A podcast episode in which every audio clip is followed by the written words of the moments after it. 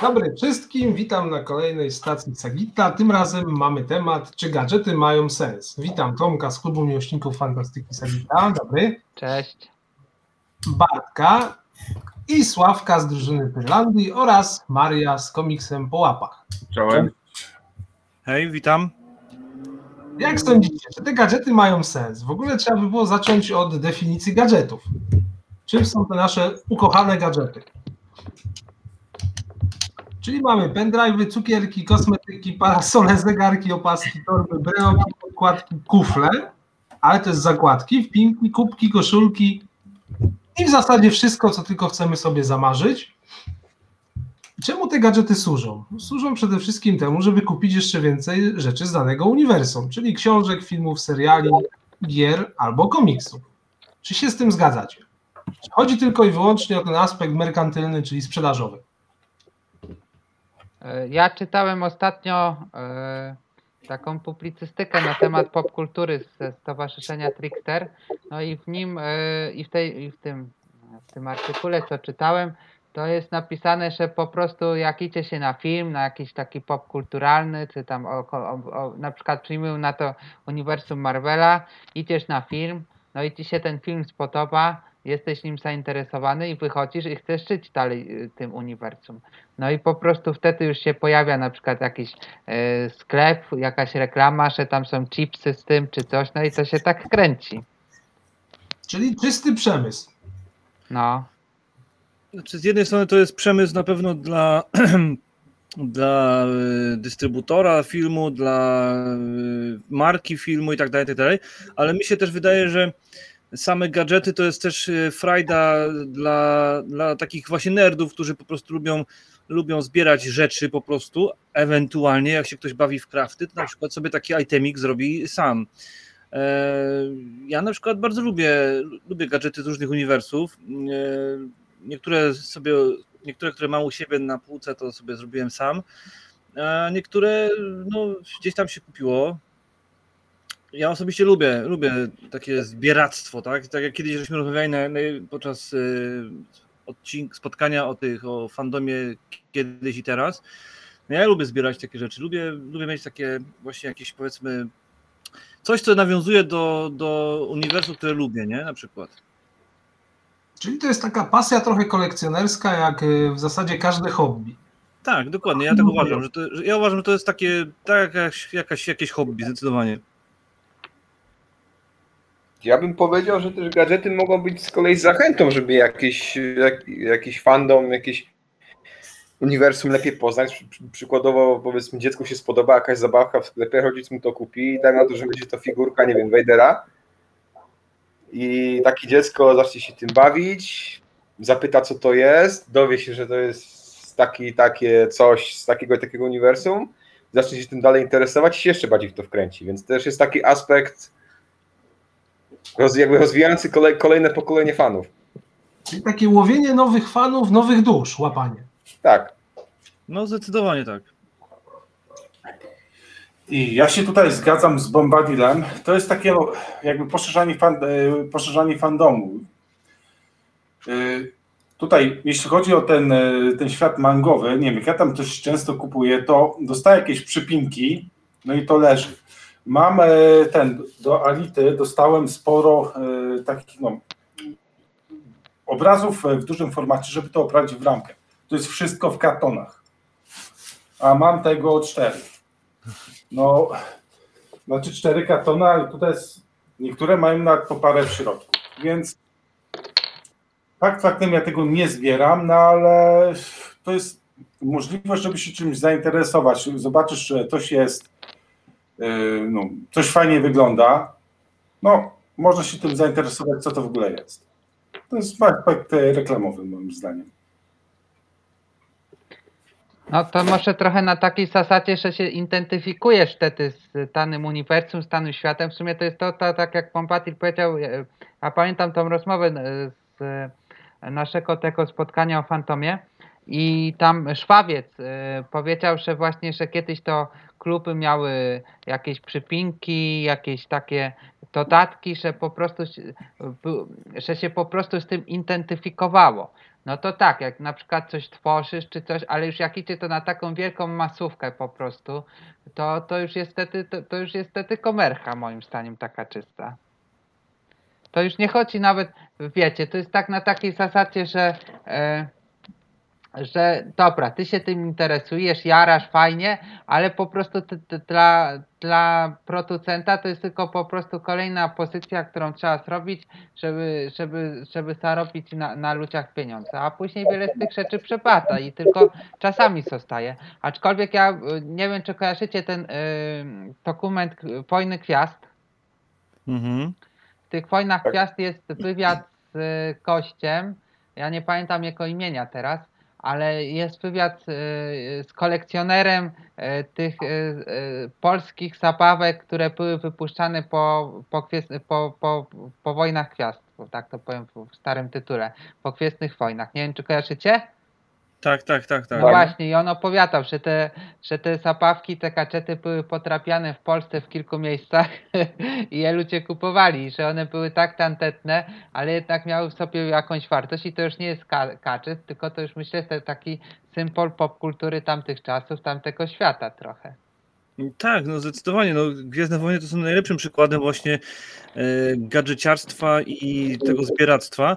I owszem, dla, dla producenta gadżetów, no to jest jak najbardziej e, niezła kasa i to jest, e, ktoś powie, że komercja, okej, ale są e, od lat gwiezdne, gadżety gwiezdnowojenne cieszą się niezwykłym zainteresowaniem i wręcz bym powiedział jakimś, jakimś rodzajem kultu. Tak jak tutaj przy- przywołałeś te, te gadżety podrabiane w Polsce, które były tam, no dzisiaj to ma wartość no naprawdę ogromną, kolekcjonerską. E, Jest to jakaś forma jak najbardziej utożsamiania się z danym uniwersum jest to jakaś też forma właśnie mm, takiego powiedzmy w cudzysłowie oczywiście kultu tego uniwersum, prawda? No i Gwiezdne Wojny są takim świetnym przykładem, ponieważ e, no, Lukas mm, kiedyś e, zrobił filmy, z których potem powstawały gadżety, teraz, teraz robią filmy, żeby e, gadżety pod filmy, o teraz robią, ale, ale i tak to się sprzedaje, to się będzie sprzedawać, bo zawsze się znajdą jacyś, jacyś e, fani, którzy po prostu zbierają takie rzeczy. Ja sam troszeczkę gadżetów gwiezdnowojennych mam, więc ja uważam, że tak, do, dla producenta jest to na pewno niezła kasa i, i komercja i tak dalej, ale z kolei dla, dla takich zbieraczy, nerdów, y, geeków, czy jakkolwiek nazwiemy, y, no to jest y, jakaś pasja, tak, jakieś hobby, po prostu coś, wiesz, że o, coś fajnego, nowego wychodzi, to tego jeszcze nie mam, muszę mieć. A niektórzy nawet potrafią mieć pięć takich samych e, figurek, czy też pięć takich samych modeli, bo na przykład mają takiego świra na tym punkcie. Ja ci powiem, że e, chyba George Lucas był pierwszą osobą, która tak połączył e, wypuszczenie filmu z tymi, z, e, e, z gadżetami. Że po prostu Tak, no, to to zostało jakbyśmy- połączone trochę w taki ten. To tak jak żeśmy rozmawiali na tym podcaście o, z okazji Dnia Gwiezdnych Wojen, że George Lucas tak naprawdę mm, opracował taką umowę, że wszystkie tantiemy z gadżetów zgarniał on, a nie, a nie wytwórnia, która wypuszczała film. I to było strzał w dziesiątkę, ponieważ y, wytwórnia myślała wtedy, że a, nic tego nie będzie, nikt nie będzie kupował jakichś tam pierdółek. No a Lukas jakby był troszeczkę wizjonerem i wiedział, że, że to się ludziom spodoba i że ludzie będą e, chcieć mieć figurki z e, filmów Gwiezdne Wojny. No i świetnie na tym wyszedł. A czy są na przykład ludzie albo postacie, dla których gadżety nie są dobre? W danym uniwersum, no bo mówimy, że dla producenta, dla dystrybutorów, aktorów, generalnie gadżety są ok, bo podtrzymują zainteresowanie właśnie danym filmem, pozycją czy tam uniwersum. Czyli to są też trochę takie artefakty, które mogą i zazwyczaj nabierają dużej wartości kolekcjonerskiej. Ale czy są na przykład grupy, nie wiem, ludzie, jednostki, dla których ten aspekt popkultury nie jest dobry, samo istnienie gadżetów. Jak sądzicie? Trudne pytanie. Znaczy moim zdaniem po prostu to zależy, no to najlepsza odpowiedź, to zależy od, od y, człowieka. No jeżeli ktoś nie lubi gadżetów w ogóle, to nawet jak uwielbia jakieś uniwersum, to nie będzie zbierał gadżetów, po prostu nie lubi, nie, nie zbiera i nie kolekcjonuje takich rzeczy, nie? A czy na przykład z- do czego dążę? Chodzi mi o to, że na przykład może być tutaj konflikt interesów, że z jednej strony producent czy firma wspierająca produkcję tych gadżetów lobbuje za nimi, a z drugiej strony istnieje ktoś, kto nie za bardzo by chciał. Czy widzicie taki konflikt interesów? Też to. No wie, może jakiś aktor albo aktorka, która na przykład e, mają być przedstawieni na, na, na kaczecie, mogą być niezadowoleni, ale myślę, że pieniądze wszystkie drzwi otwierają. Więc jeżeli, jeżeli się film sprzedaje, bohaterowie są e, ten, to, to i tak wypuszczą te kaczety. Mi się też tak wydaje, że zresztą tak samo, znaczy nie jestem pewien, ale wydaje mi się, że akurat e, poszczególni aktorzy mają chyba w umowie też e, wpisane, że wyrażają zgodę na, na mm, przedstawienie ich wizerunków właśnie w formie jakiejś figurki czy gadżetu. Tak mi się wydaje, że, że tak to wygląda. Natomiast im to też jest na rękę raczej, no bo dzięki temu są popularni, dzięki temu uzyskują jakąś na powiedzmy sławę. Właśnie dzięki temu, że zostali, zostali utrwaleni na tej, na tej na tym plakacie, na tych puzzlach, czy co tam, co tam może się pojawić. Więc mi się wydaje, że dla aktorów akurat to nie jest jakiś szczególny problem, że, że będą figurki y, z ich y, podobizną, tak? Ciężko powiedzieć, kto może być przeciwny, kto może lobować przeciwko gadżetom. No chyba, że jacyś, nie wiem, fundamentaliści, no nie wiem, ciężko to powiedzieć. A są tacy fundamentaliści? Wszędzie są. No, Nie, daj to jest spokój, no. znajdziesz na pewno. Ale zobaczcie, jest grupa, która może lobbować za tym, żeby tych gadżetów nie było dużo. Jest to grupa właśnie producentów, bo taki trochę paradoks. Z jednej strony oni lobbują, żeby było zainteresowanie, ale jeżeli na przykład studio każe im zrebootować serię, czy tam porobić jakieś prequele, sequele, czy stan zero, no to oni nie będą zainteresowani ciągnięciem tego dawnego uniwersum, bo będą chcieli wykreować nowe. Czyli mamy taki trochę konflikt interesów. Mały paradoks. A no to właśnie na Okwiesnych Wojnach mieliśmy spotkanie, to taką sytuacja jest teraz podobna z tym. Z w- jednej strony oni będą za tym, żeby to się sprzedawało, bo to napędza cały tutaj ten hype, a z drugiej no niekoniecznie. I może dochodzić do takich dosyć skrajnych sytuacji, że oni będą e, przez fanów, przez grupy fanowskie, jakieś fandomy, czy generalnie gdzieś tam jakieś e, akcje marketingowe na YouTubach, trochę sabotować własne uniwersum. Trochę to się wydaje dziwne, ale już były takie przypadki. Jest, jest jeszcze jedna taka grupa. y, To są, e, fa, to są osoby, które zbierają, kolekcjonerzy, ale którzy traktują to jako lokatę kapitału. To samo jest w komiksach, zgadza się. No tak. No, ostatnio mieliśmy ten przykład e, z do Adolfów. Padły serwery e, w sklepie. Już wyprzedają na różnych grupach e, facebookowych i na OLX-ie. Tak, to jeszcze z dwukrotną albo i trzykrotną przebytką ceny. Ja akurat bardzo się cieszę, że są wznowienia komiksów, bo generalnie można zdobyć za rozsądną cenę bez tych spekulantów komiksowych. No, ale to jest dokładnie tak samo z książkami, których już nie ma na przykład na rynku w normalnym obiegu, bo są gdzieś tam na jakimś drugim obiegu, a, a powiedzmy i niektóre pozycje osiągają no, horrendalne ceny, sobie mm, sprzedający sobie życzą naprawdę horrendalne ceny. Natomiast potem się okazuje, że ta książka jest wznowiona po latach. No i już y, zainteresowanie spada. No chyba, że to jest jakieś bardzo szczególne, bardzo szczególne wydanie, nie? A czy macie jakiś taki gadżet idealny, który byście chcieli mieć, a który jeszcze nie istnieje?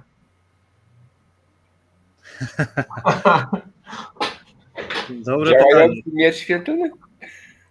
O, na przykład. No, prawdziwy miecz świetny, no tak. No, Albo prawdziwy jedyny pierścień. nie, ja bym nie chciał mieć prawdziwego. Zresztą i tak na Bombadilla nie działa. Wykonany właśnie. tylko w kilku kopiach kolekcjonerskich.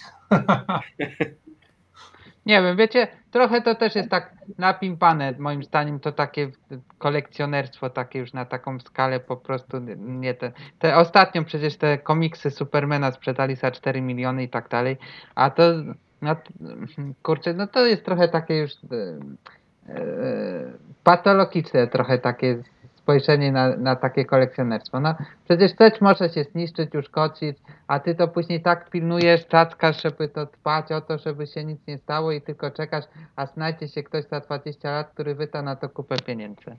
Na to tym potem polega kolekcjonowanie.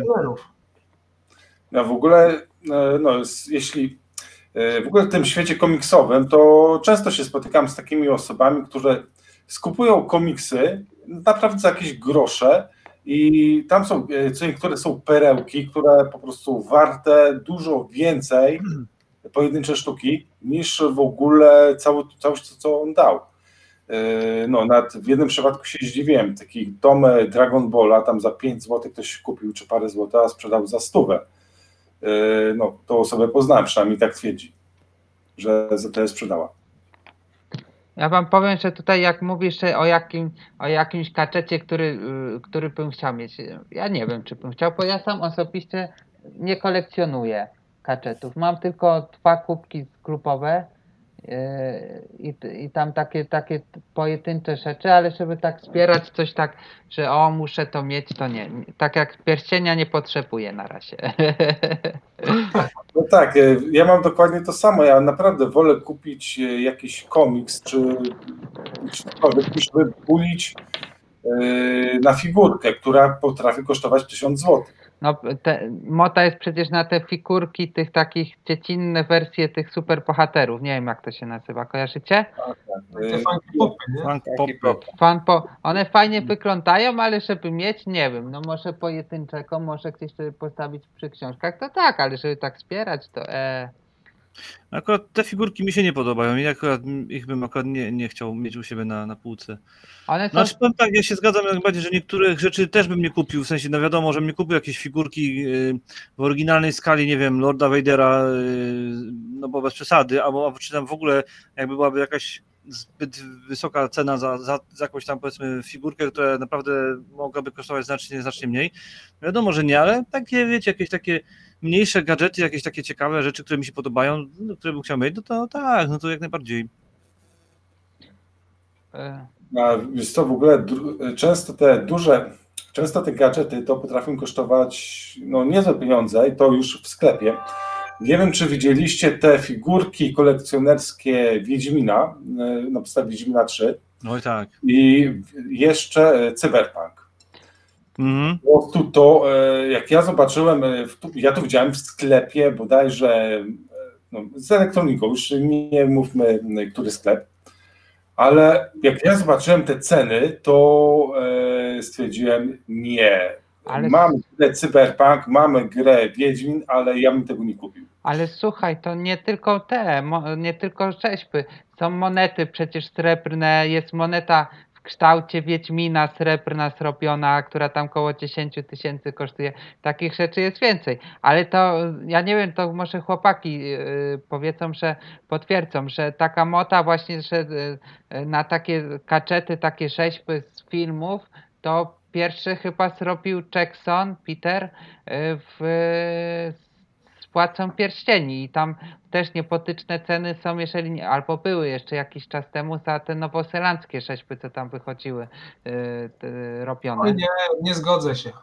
Już w latach 30. w Hollywood y, był przemysł właśnie wykupywania różnych gadżetów, elementów scenografii. I milionerzy Ale, ale, to nie, ale to nie jest scenografii, to są y, rzeźby takie były. Jest jakaś firma w Nowej Zelandii, która pracowała przy tworzeniu tych y, y, scenografii Władcy Pierścieni i oni stworzyli rzeźby i te rzeźby, nawet wam znajdę, czekajcie, kurde, kiedyś to pamiętałem. To się nazywało Weta Workshops. Tak. O, Generalnie No, artefakty z każdego filmu są bardzo cenne i pożądane dla kolekcjonerów. Od plakatów poprzez właśnie elementy wystroju, jakieś e, bronie, gadżety. Dokładnie. Powiem wam tak, a niektóre rzeczy są niektóre rzeczy są po prostu do zrobienia i nie ma potrzeby wydawać na nie kasy, jak można, jeżeli się ma jakieś powiedzmy minimalne umiejętności manualne, można to zrobić samemu. Na przykład e, jakiś czas temu wpadłem na pomysł, żeby, że chcę mieć e, taki kontrakt filmowy z filmowego Hobbita, kontrakt Bilba. No ale jak zobaczyłem, jakie są kwoty, mówię, no nie, no bez przesady, no przecież ja jestem w stanie sobie to sam zrobić. No i faktycznie sobie zrobiłem y, kontrakt. Wygląda, no, wygląda na tyle dobrze, że, że mogę, się, mogę go pokazywać. Chociaż dzisiaj bym go pewnie zrobił jeszcze inaczej. No ale to są takie gadżety, które, które można samemu zrobić. y, Albo ten. y, W zeszłym roku zrobiłem sobie y, młot Tora, taki, taki w normalnej skali, taki jak był właśnie Marvelowski. Z użyciem takich rzeczy, które są, które, się miał, które mam w domu po prostu i, i tyle. I wygląda jak z filmu, tylko że troszeczkę widać, znaczy widać, że to nie jest, że to nie jest e, idealnie odzorowane, ale jest z daleka widać, jakby od razu każdy rozpozna, że to jest, że to jest z tego uniwersum. A Pompatilu, a ten kontrakt to z, masz na YouTubie nagrany? Wiesz co, gdzieś jest chyba, jak rzucaliśmy na naszym kanale, wrzucaliśmy Tolkienalia, to tam chyba jest, y, jest moje nagranie właśnie, jak y, prezentuję moją kolekcję Tolkienaliów i tam chyba jest właśnie ten kontrakt y, Bilba pokazany, jeżeli dobrze pamiętam. Wydaje mi się, że tak. Jak poszukasz na, na naszym kanale, to zobaczysz. Tam powinien być. No w ogóle w Polsce jest jakiś koleś, nie wiem, wy na pewno, może to słyszeliście, e, on robi zbroje na podstawie Władcy Pierścieni. I podobno e, dobrze na tym zarabia. E, Z tego, co widziałem, e, widziałem film o tym. Urywki nie za długi, ale to wyglądało naprawdę bardzo fajnie. I to też, no, nie no, jest fandom, który to kupuje, no ale wiesz, nie wiem, ja mam opór, żeby po prostu coś takiego wziąć, no, zakupić. W Katowicach jest y, kowal, który y, robi miecze z tego, z gry Wiedźmin. Y, Pta, jeden na jeden ze stali mogą być ostre, treningowe i takie te do powieszenia tępe. Trzy rodzaje. I tam różne ceny są za różny ten. Słuchajcie, a co powiecie o takim społecznym odbiorze gadżetów? Jest taka książeczka Godzica, znanego medioznawcy. Gadżety popkultury, społeczne życie przedmiotów. To jest bardzo dobry tytuł, bo pokazuje, do czego są potrzebne gadżety oprócz tego aspektu handlowego, głównego dla producentów, czyli społeczne życie. Co przez to rozumiecie? Hmm. Powiedzmy, jeśli ktoś ma jakąś plakietkę czy koszulkę i widzi osobę, która ma coś podobnego, to oni się poznają. Wiedzą, że oni będą nadawać na podobnych falach. Mogą dyskutować o danym uniwersum. Mhm. No właśnie, czyli to są takie wyróżniki, jakby trochę e, herbowe, można powiedzieć. Trochę tak i tutaj ja się jak najbardziej zgadzam, koszulka tak samo jak kubek, przypinka to jest jak najbardziej gadżet i faktycznie jak widzisz kogoś, kto ma koszulkę z podobnym motywem albo z czymś, co jest z tego samego uniwersum, to jak najbardziej się szybko, tak jak ty Mario powiedział, szybko się dogadasz z drugą osobą bez problemu tak naprawdę.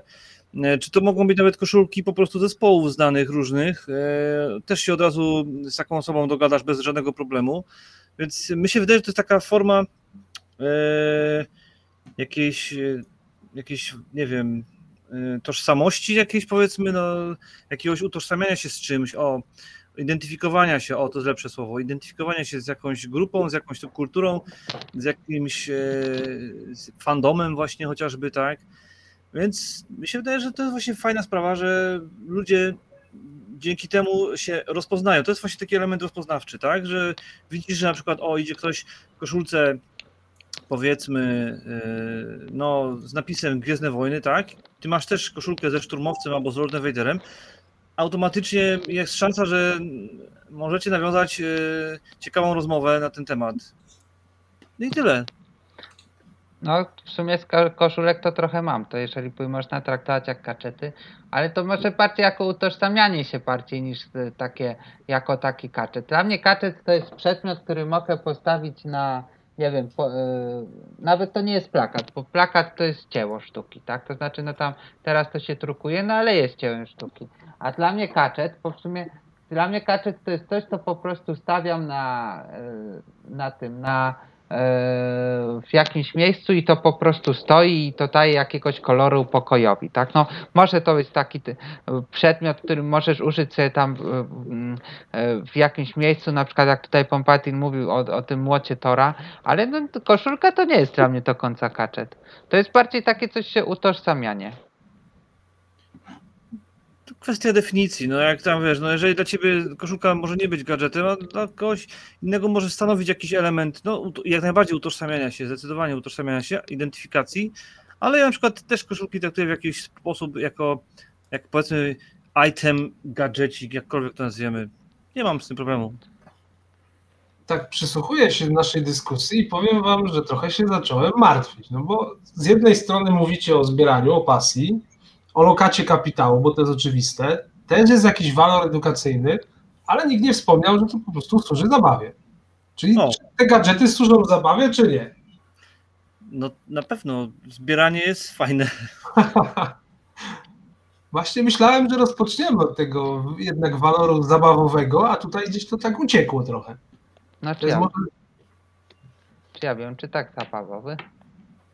Nie wiem. No tak jak grasz w grę albo czytasz jakiś fajny komiks, czy czytasz dobrą książkę, czytadło bez jakichś tam ambicji, to jednak ten walor taki czysto zabijania czasu jest główny. Te edukacyjne jakieś tam inne odchodzą na bok, nie? No ale komiks to nie kaczet. Komiks też może być gadżetem, dodatkiem do filmu. Roz... No nie, dodatkiem to, to już chyba idziemy trochę za daleko. Komiks to jest tak, no, dlaczego? no po kaczet, no nie wiem, czekajcie, ja to sprawdzę na Wikipedii, co to znaczy słowo kaczet.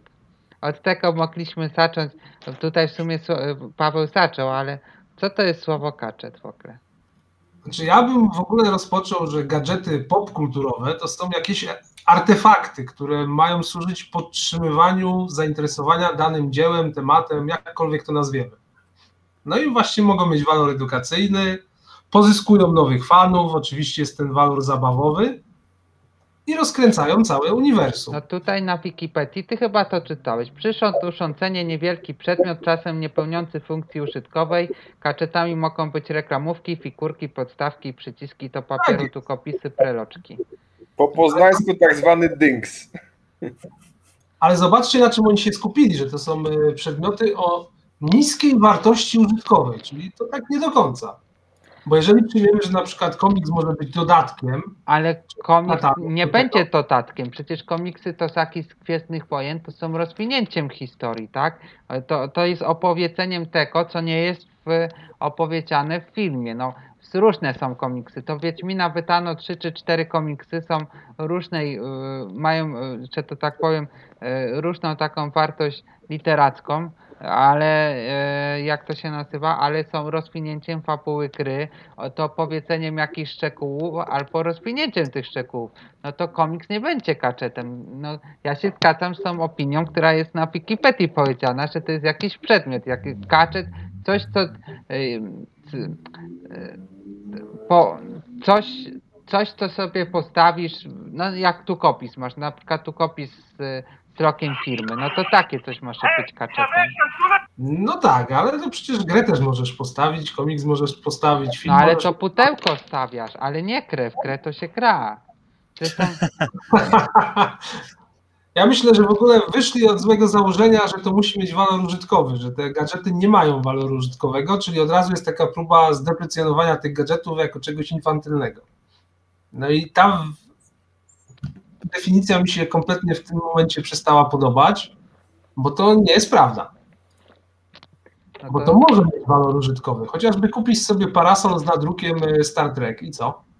I jest walor użytkowy, Jest To walor jest użytkowy, jest gadżet, jak najbardziej.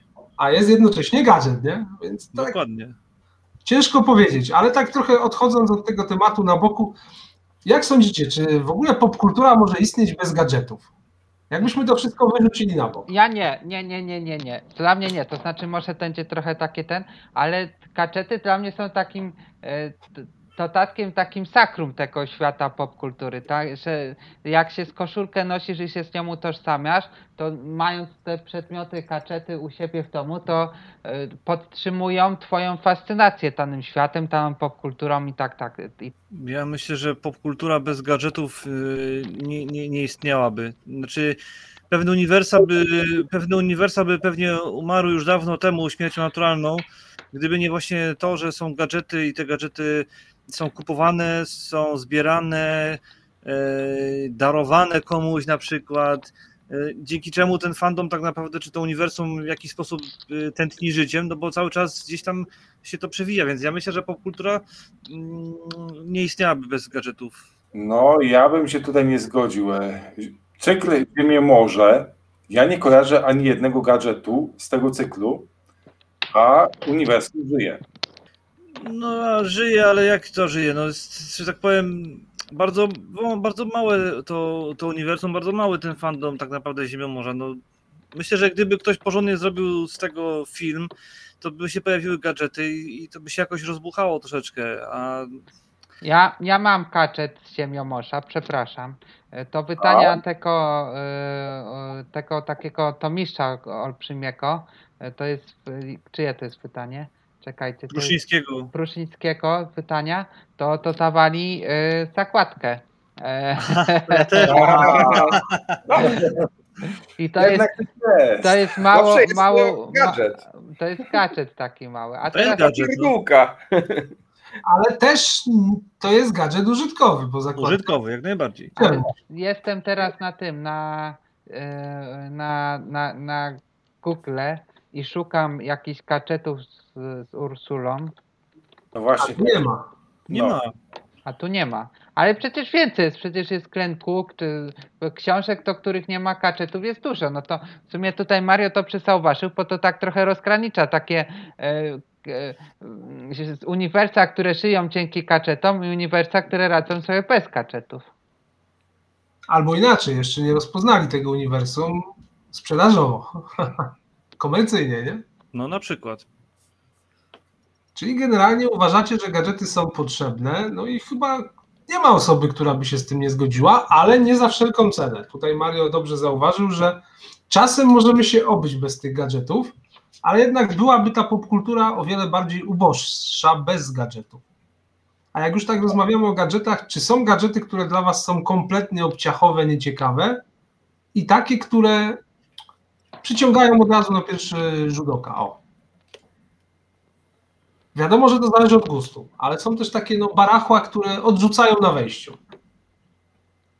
No teraz ci nie powiem dokładnie co, ale no na pewno jakbym widział coś, co by mi się nie spodobało wizualnie, to na pewno bym tego nie chciał, bo faktycznie, tak jak mówisz, niektóre rzeczy są bardzo obciachowe. Teraz nic mi do głowy nie przychodzi, co może być takiego obciachowego, co ostatnio widziałem obciachowego, ale no ale na pewno, no to jest też raz, że kwestia gustu, a, a dwa, że faktycznie niektóre rzeczy są totalnie obciachowe i no, ale z drugiej strony się okazuje po latach, że te obciachowe rzeczy no, mają jakąś powiedzmy wartość e, kolekcjonerską za jakiś czas, nie? To też jest bardzo interesująca sprawa. No właśnie, i tutaj też Sławek y, dobrze zauważyłeś, jest jedna taka jakby nisza w zbieractwie, w kolekcjonerstwie, czy nawet w gadżetach, która jest rzadko poruszana. No i generalnie gadżety z tej bajki są dosyć rzadkie i bardzo często obciachowe. Są to kosmetyki. O, Kosmetyków to jak gadżetów nie kojarzę jako. Są różne wody po goleniu, różne lakiery, mydła, nie mydła, jakieś dziwne tak, tak. Szczoteczki to sępów z tym, z Tak, Frozen, O, tak. z Frozen i ten, i ze Star Warsami, tak, to też są, tak. Czyli już wiemy w co Ale inwestować, bo te gadżety są bardzo rzadkie, bo szybko się psują, po prostu lecą na śmietnik. Ja bym też powiedział, że to z taką, że tak powiem, cringe'owością gadżetów to zależy też od tego, powiedzmy, kto tego używa, no bo inaczej będziemy patrzeć na sytuację, kiedy małe dziecko bawi się kucykiem pony, a inaczej na kolesia mającego, nie wiem, 30 lat, który jest, jest fanem kucyponków i się bawi y, pluszowym kucykiem, tak, bo to jest naprawdę dziwne. Ale czy w ogóle w popkulturze istnieje takie zjawisko zametkowania jakiegoś, e, nie wiem, pogardliwego patrzenia stereotypowego na kolekcjonerów? Wydaje mi się, że tak rzadko to się zdaje, zdarza. Jest. E, No samo to kucyki, no, e, ci dorośli faceci e, bawiący się kucykami pony, no to to wygląda, nawet ja mówię, to wygląda aż tak trochę niezbyt. No tak, ale I, no, e, są, są te zloty fanów, w którym naprawdę tam nie, e, tam nie ma dzieci. Tam są prawie sami dorośli.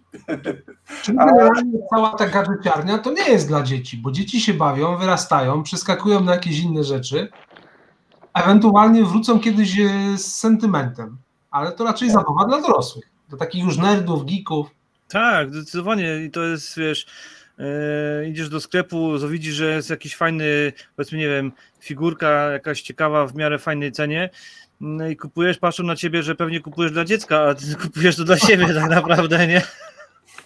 No właśnie, jak z kolejką na tej samej zasadzie. Bo No, często jest tak, że przedmioty kolekcjonerskie, o których byśmy nie, nie pomyśleli, że osoba dorosła, nie wiem, będzie zbierać lalki Barbie, a są ludzie, którzy je kolekcjonują i niektóre co starsze modele potrafią kosztować kosmiczne pieniądze, więc to jest też kwestia jakby finansowa w tym momencie, że niektóre, niektóre co, co bardziej niby nieprzystające wiekowo gadżety potrafią być kosmicznie drogie. No to teraz powinniśmy przejść do pochwalenia się. Czy macie jakieś gadżety, artefakty, które są cenne? I zapadła cisza. Ja nie mam. Ja nie wspieram gadżetów. Y, To zależy, co rozumiesz przed pojęciem cenne, bo na przykład, yy, jeżeli chodzi o wartość jakąś sentymentalną, na przykład, to, ja, to właśnie te gadżety, które ja sobie zrobię sam, to mają dla mnie wyższą wartość niż, niż te kupione, tak naprawdę. No nie, porzućmy całkowicie ten wątek właśnie taki sentymentalny, nostalgiczny, bo to wiadomo, że każdy inaczej odbiera, ale czysto i wyłącznie sprzedażowo-komercyjny. Hmm. Ja tak Hmm, dobre pytanie. Nie, mam, e, co niektóre te moje komiksy są faktycznie kosmicznie drogie. Kiedyś tam e, powiedziałem, że e, na innym filmie, że chciałbym tak nagrać film o tym, o drożyźnie w komiksie. Ja ten film nagrałem, ale stwierdziłem, że będzie tak źle od- odebrany, że go nie opublikowałem. Ale to są dyskusje, O, które się powtarzają na forach właśnie o tych takich spekulantach komiksowych. To nie ma problemu z tym. Ludzie są świadomi te, niestety tego. I szczerze mówiąc, ci, co mają już te kolekcje i ci, którzy nie mają, a chcieliby mieć, podchodzą do tego identycznie. Po prostu traktują spek- spekulantów z buta. No tak, ale wiesz, ja tam e, w tym filmie jak podałem jeden, e, znaczy jedną taką serię, która na Allegro żądają za niego półtora tysiąca, autentycznie, a jest e-wydanie, w którym jeden tom kosztuje 13 zł, coś tam groszy. A no właśnie. Tego jest, e, to ma, to ma 12 tomów teraz wydaje. No to ja sam uważam, że to jest spora przesada. Ale podejrzewam, że trafiłby się jakiś kolekcjoner, fan, fanatyk, czy jakiś inny hobbysta, nie mówiąc mocniej, który by to kupił i za takie pieniądze. O to na pewno, oczywiście, No że tak. tak. Zawsze, jak to głosi przysłowie, zawsze znajdzie się głupi, co kupi. No właśnie, czyli można powiedzieć, Nie obrażając nikogo oczywiście.